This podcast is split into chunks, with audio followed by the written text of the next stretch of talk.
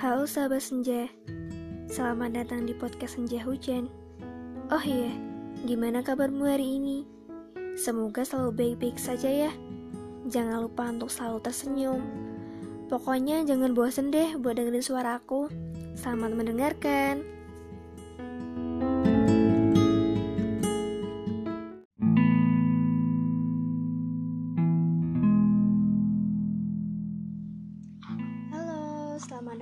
Podcast Senja Hujan. Jadi untuk episode kali ini aku bakalan ditemani sama teman aku. Jadi dia ini juga teman online, kenal di sebuah komunitas dan akhirnya gitu deh pokoknya jadi deket. Oh ya, ini aku sama dia jarak jauh nih ya. Jadi karena selain masih pandemi, juga lumayan sih ya rumahnya. Ya lumayan sih, sini sama Jogja padahal deket sih cuman ya gimana ya pokoknya gitu deh. Jadi oh ya kenalin nih temen aku namanya Ade. Hai teman-teman. Wah suaranya bagus ya kalem. Oh ya, gimana nih kabarnya? Ngomong-ngomong kita tuh udah jarang banget ya. Kan kemarin sempat kurang fit dikit sih gara-gara di sini tuh ada perubahan cuaca gitu loh. Jadi kan Hmm, kayak rawan penyakit pilek gitu loh kak. iya bener emang rawan banget. Kak nih ya. Hmm? Panggilnya boleh kak kan? Boleh terserah kamu biasanya kayak gimana. Oh ya, kayaknya kita tuh BTW udah jarang banget ya cacetan maksudnya nggak seintens dulu sih. Ya tahu sih karena emang udah sibuk sendiri, maksudnya udah mulai kamu juga mau ujian juga kan gitu ya. Tapi nggak apa-apa deh, masih intinya kita masih berhubungan baik gitu kan. Hmm, oh ya, kita kira-kira mau ngobrolin apa aja nih malam ini? Kira kira-kira ngobrolin apa ya? Aku juga kayak kita sharing-sharing aja gitu loh tentang kayaknya kak Ai yang lebih ber- berpengalaman di pembahasan kita kali ini. Jadi kita tuh mau ngebahas tentang cara kita memposisikan diri kita sendiri gitu loh di organisasi. Hmm, oh sebelum masuk itu mending kan dengar-dengar kamu tuh berpengalaman banget kan di organisasi. Bisa nih sharing-sharing dikit sedikit gitu kan sama teman-teman semuanya. Barangkali juga memotivasi gitu. Bisa dong? Kayak oh ya, sebelumnya sebenarnya apa sih arti organisasi bagi diri kamu sendiri itu gimana? Aku jawab dari awal ya kalau ber- berpengalaman banget itu enggak sih, cuman kayak di beberapa organisasi aja aku aktif gitu loh. Tapi nama aku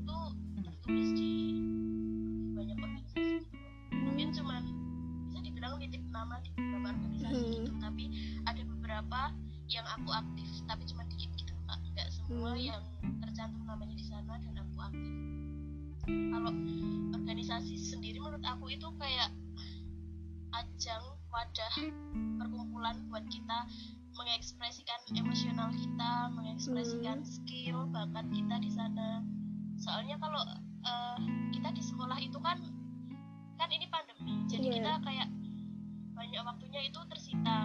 Tersitanya tuh bukan buat belajar, tapi seringnya kebanyakan ditemukan malah buat males-malesan, Hmm, bener buat banget. aktif di medsos, tapi aktifnya itu bukan di segi positif gitu loh Hmm, jadi kayak kita tuh butuh organisasi buat menghalangi kita menghalangi diri kita dari hal-hal yang negatif itu tadi dari sosmed kan banyak banget platform sosmed yang mungkin bisa membawa dampak negatif buat kita kalau kita nggak bisa mengendalikan diri kita untuk ke arah yang positif terus gitu loh. Hmm, hmm, hmm. jadi kita butuh organisasi buat membentengi diri kita dari negatif-negatifnya sosmed Hmm, ya bener banget. Keren jawabannya keren banget. Eh menurut kamu tuh bagi kamu ya maksudnya nggak semua orang kan menganggap bahwa organisasi itu kan penting ya.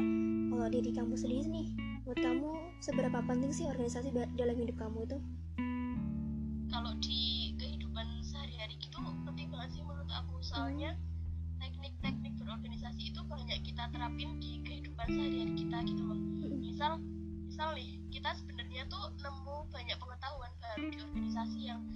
kalau misal kita nggak ikut organisasi kita nggak bakal tahu tentang Iya. pengertian itu gitu loh. Misal eh, tentang emosional emosional kita yang berbeda-beda sama orang lain. Kalau kita di rumah terus kan kita nggak mungkin bisa dapat pengertian-pengertian itu gitu loh.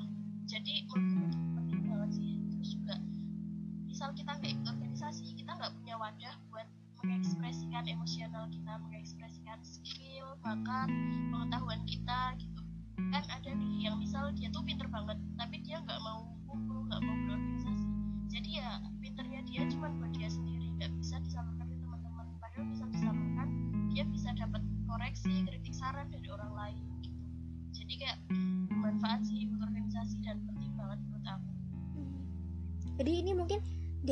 cara kamu jelasin juga. Ini mungkin emang ini juga belajar dari organisasi ya. Maksudnya organisasi selain mengajarkan tentang arti banyak hal sih tapi juga membantu kita buat bisa public speaking ya. Hmm, iya bener banget sih. Aku juga public speaking ini kayak nggak diajarin gitu loh di sekolah. Mungkin di sekolah kita cuma diajarin tata cara gimana kita presentasi gimana kita nanya pas presentasi mungkin cuma seputar presentasi aja sih spesifiknya. Kalau masalah public speaking ini kadang tuh ada ekskul gitu loh dari BK dari. BK tapi nggak belum belum banyak diterapkan di sekolah.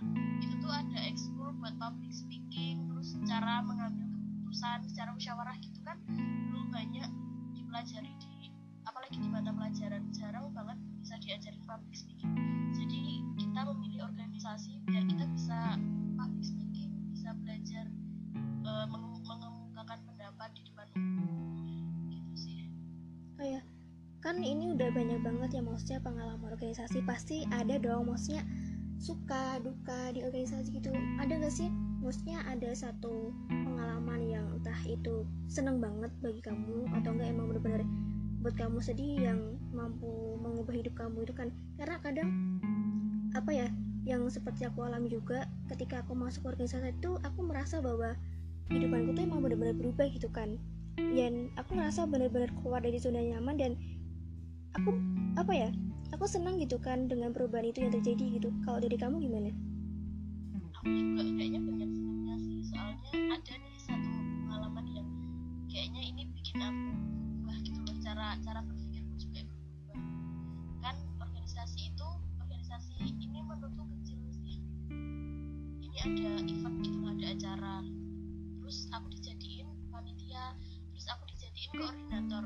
Koordinator itu mau nggak mau harus bisa menguasai semuanya kan dan koordinator pasti punya anak buah. Anak buahnya ini cuman bertugas membantu gitu loh yang Mhm. harus bertanggung jawab atas semua tugas itu kan si koordinator. Dan aku jadi koordinator di sana. Terus kayak aku dipaksa secara singkat. Kan itu kan pembentukan panitia sama eh, event di- dilaksanakannya itu cuman selang satu bulanan lah. Jadi kayak eh, aku yang bulan-bulan lalu itu belum siap jadi koordinator terpaksa aku harus jadi koordinator dalam jangka waktu satu bulan. Itu harus menguasai sifat-sifat yang harus dimiliki koordinator gitu loh kak. Jadi kayak eh, ini tuh ini tugas. Kalau misal aku bisa melaksanakan aku bisa dapat feedback yang baik dari sini. Tapi kalau aku nggak bisa melaksanakan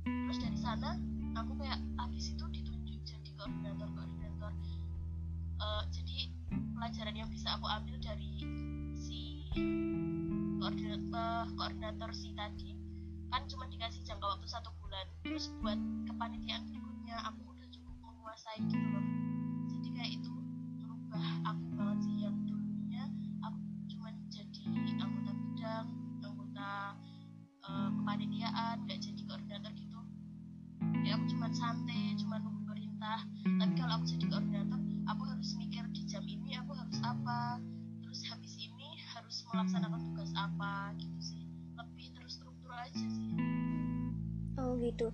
Kayak kamu tuh ngerasa nggak sih kalau semisal di organisasi di organisasi sini sama sana tuh kayak hampir sama gitu kan? Maksudnya awal-awal tuh ya bukannya aku mau menjelek-jelekan tuh gak maksudnya dari apa yang aku alami ya kayaknya tuh hampir sama gitu kan samanya tuh misalnya di organisasi sini tuh awalnya tuh semuanya aktif gitu kan tapi aktifnya cuma di awal habis itu tuh kayak ngerasa kok orangnya tuh kok itu itu aja sih yang kerja? gitu kan.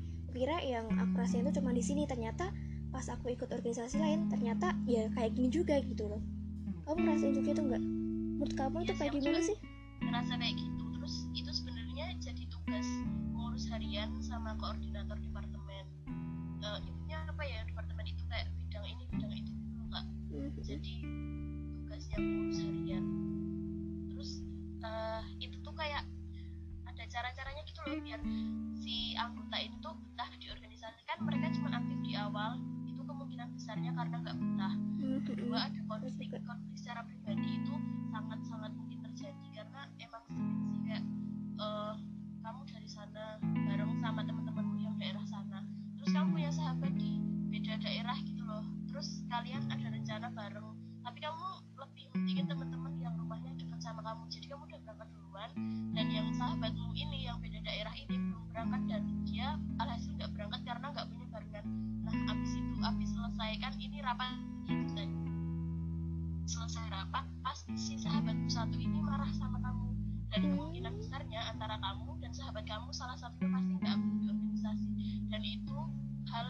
paling sering bikin organisasi itu tuh mati Iya bener banget sih.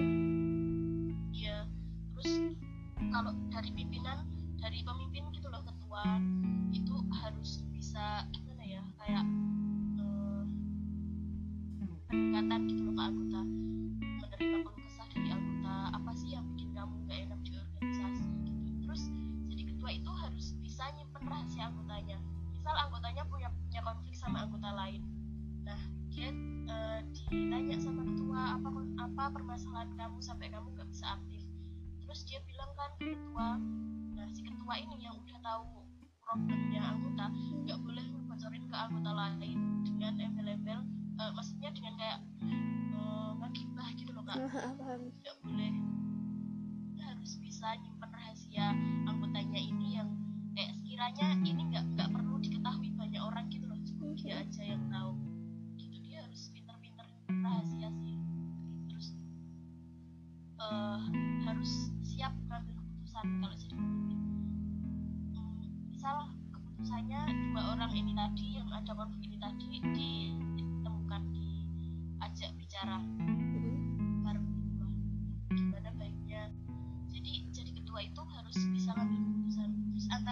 pertemuan eh, dua orang ini tadi dua sahabat ini tadi yang nggak jadi berangkat bareng sama para ketua itu harus menghasilkan keputusan. Entah apa pun itu keputusannya tetap harus menghasilkan. Jadi nggak boleh misal nih udah kumpul udah ketemu mereka udah membahas problemnya tapi nggak menghasilkan keputusan apa pun. Itu nggak boleh di dalam organisasi. Jadi eh, antara pertemuan pertemuan apa pun itu itu harus ada keputusan. Dan ketua harus berani mengambil jadi materi tentang memposisikan diri sendiri di organisasi ini tuh sebenarnya kita udah sedikit memiliki sifat-sifat sifat-sifat yang harus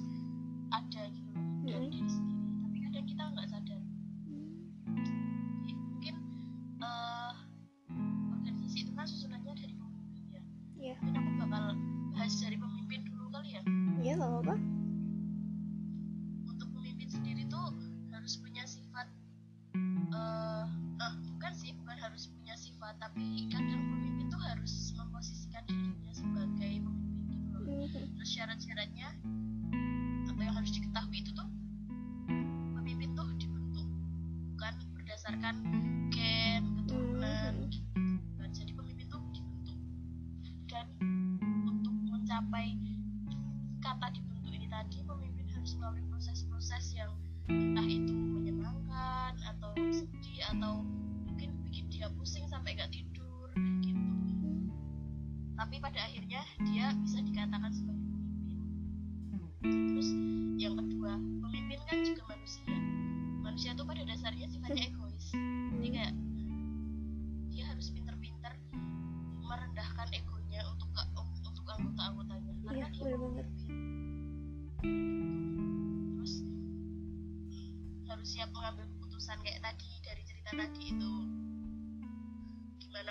keadaannya si pemimpin ini harus bisa ngambil keputusan terus hmm, kita kan sering nih kalau biasanya orang yang sering berpikir kritis ya Mhm. ngelihat ketua itu tuh dari apa yang dia ambil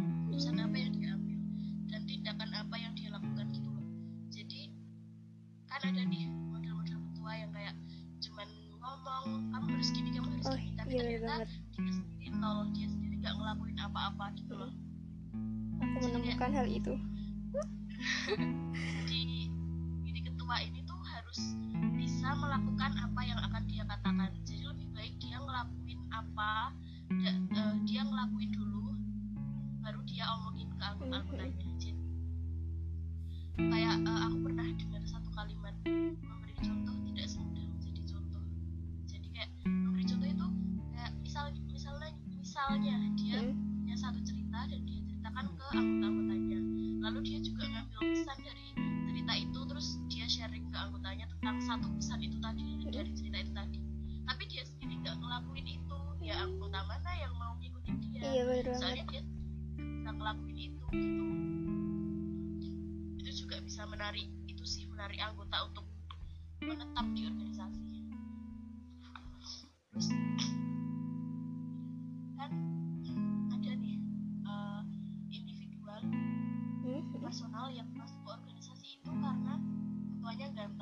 oh iya cantik banyak banget kan kita nemuin ada. organisasi kayak gitu.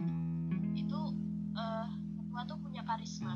Ketua punya karisma yang bisa narik anggota-anggotanya buat tertarik di organisasi dia buat masuk di organisasi dia. Tapi orang-orang yang masuk karena karisma dari ketua atau dari pimpinan organisasi itu bertahannya sangat sebentar. Misal nih di satu rapat dia ngeliat ketuanya ya Allah pengen memiliki memiliki dia semangat semangat semangat berangkat rapat. Terus rapat besoknya lagi ternyata si ketua ini udah punya doi.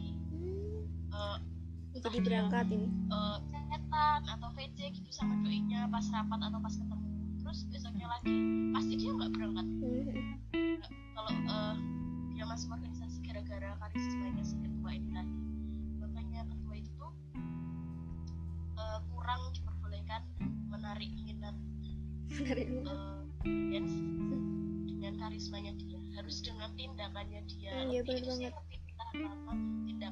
Karisma terus ketua tuh harus bisa bertanggung jawab.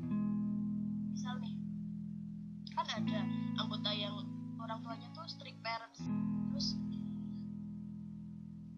si individual ini tadi bingung gimana ya biar aku bisa aktif di organisasi? Ya aku sarannya kayak mau- nangis gitu ya? Gini, kayak, kayak mau nangis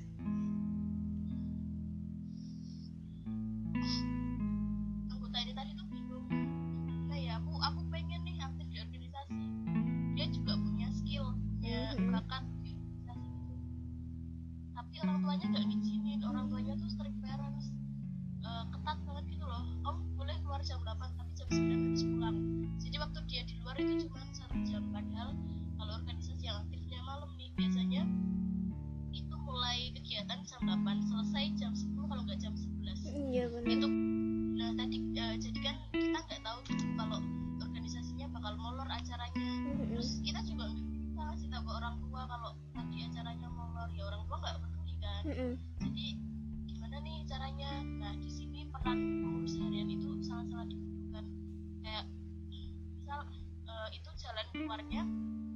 Kita jujur ke orang tua. Organisasi ini tuh bergeraknya di bidang apa isinya apa gitu. Kita harus ngomong ke orang tua. Misal ada acara ada acara nginep gitu.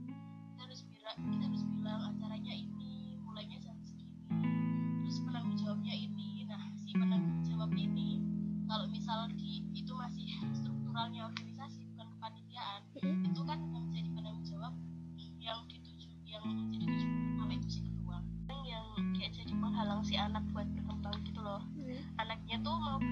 Tapi kadang hambatannya itu di orang tuanya sendiri di lingkup keluarganya sendiri. Dan ini tuh permasalahan ini yang sering banget nyerang mental health anak. Anak ini tuh udah siap buat maju tapi orang tuanya narik buat mundur. Gitu sih. Terus yang terakhir pemimpin itu kalau udah nggak sanggup mimpin udah nggak bisa Hmm. nggak bisa melanjutkan jabatannya itu lebih baik mundur kasihan orang-orang yang dipimpin. Iya bener banget. Iya. Ini panjang banget ya maksudnya episode podcast kali ini. Mungkin ini nanti bakalan ada sesi dua ya Kak Ade. Nanti kita bakalan nge-podcast lagi. Iya iya. Karena banyak banget pembelajaran yang dapat kita ambil gitu kan dari adik oh yang terakhir kamu Iya. ada nggak maksudnya eh, motivasi buat teman-teman semuanya? Karena apa ya kalau buat organisasi itu kan pilihan ya pilihan setiap orang. Karena kadang tuh ada yang mikir ini maksudnya aku tuh udah nyaman di sini. Ketika aku ikut organisasi takutnya tuh kita bakalan keluar dari zona nyaman kita kan. Maksudnya nggak banyak orang yang berani buat ngambil resiko itu. Jadi menurut kamu gimana tuh? Menurut aku sih buat kalian yang masih di zona yang menurut kalian nyaman itu benar-benar nyaman sih sampai ngebi- biarin diri kalian. Itu buat stuck di sisi itu dan nggak bisa maju nggak bisa punya pengetahuan yang diketahui oleh orang-orang cerdas itu loh. Orang pintar itu belum tentu cerdas loh tapi orang cerdas itu pasti pintar. Jadi eh, di organisasi itu kalian juga dididik untuk jadi cerdas dididik untuk bisa menjadi berpikir apalagi pemimpin. Pemimpin itu kayak eh, di sana dia punya eh, dia harus mengeluarkan effort yang paling besar buat memimpin anggota-anggotanya Mot- motivasinya tetap semangat nungguin Kak Ai ngedit sampai diterbitkannya podcast paduan iya nanti dong. motivasinya di akhir deh. Oke oke oke siap. Oke mungkin untuk episode kali ini cukup sampai di sini saja. Dan pokoknya masih banyak banget pembahasan yang bakal kita bahas tentang eh, keorganisasian sama adik. Jadi tetap stay terus pantengin terus nih podcast Senja Hujan tungguin kapan update-nya dan kapan episode part 2 ini bakalan dirilis di update Oke, terima kasih buat kamu yang udah berkenan dengerin sampai sejauh ini, sampai di detik 25 menit ini. Dan pokoknya jangan bosan buat dengerin suara aku. Sampai jumpa di episode podcast selanjutnya. see you teman-teman semua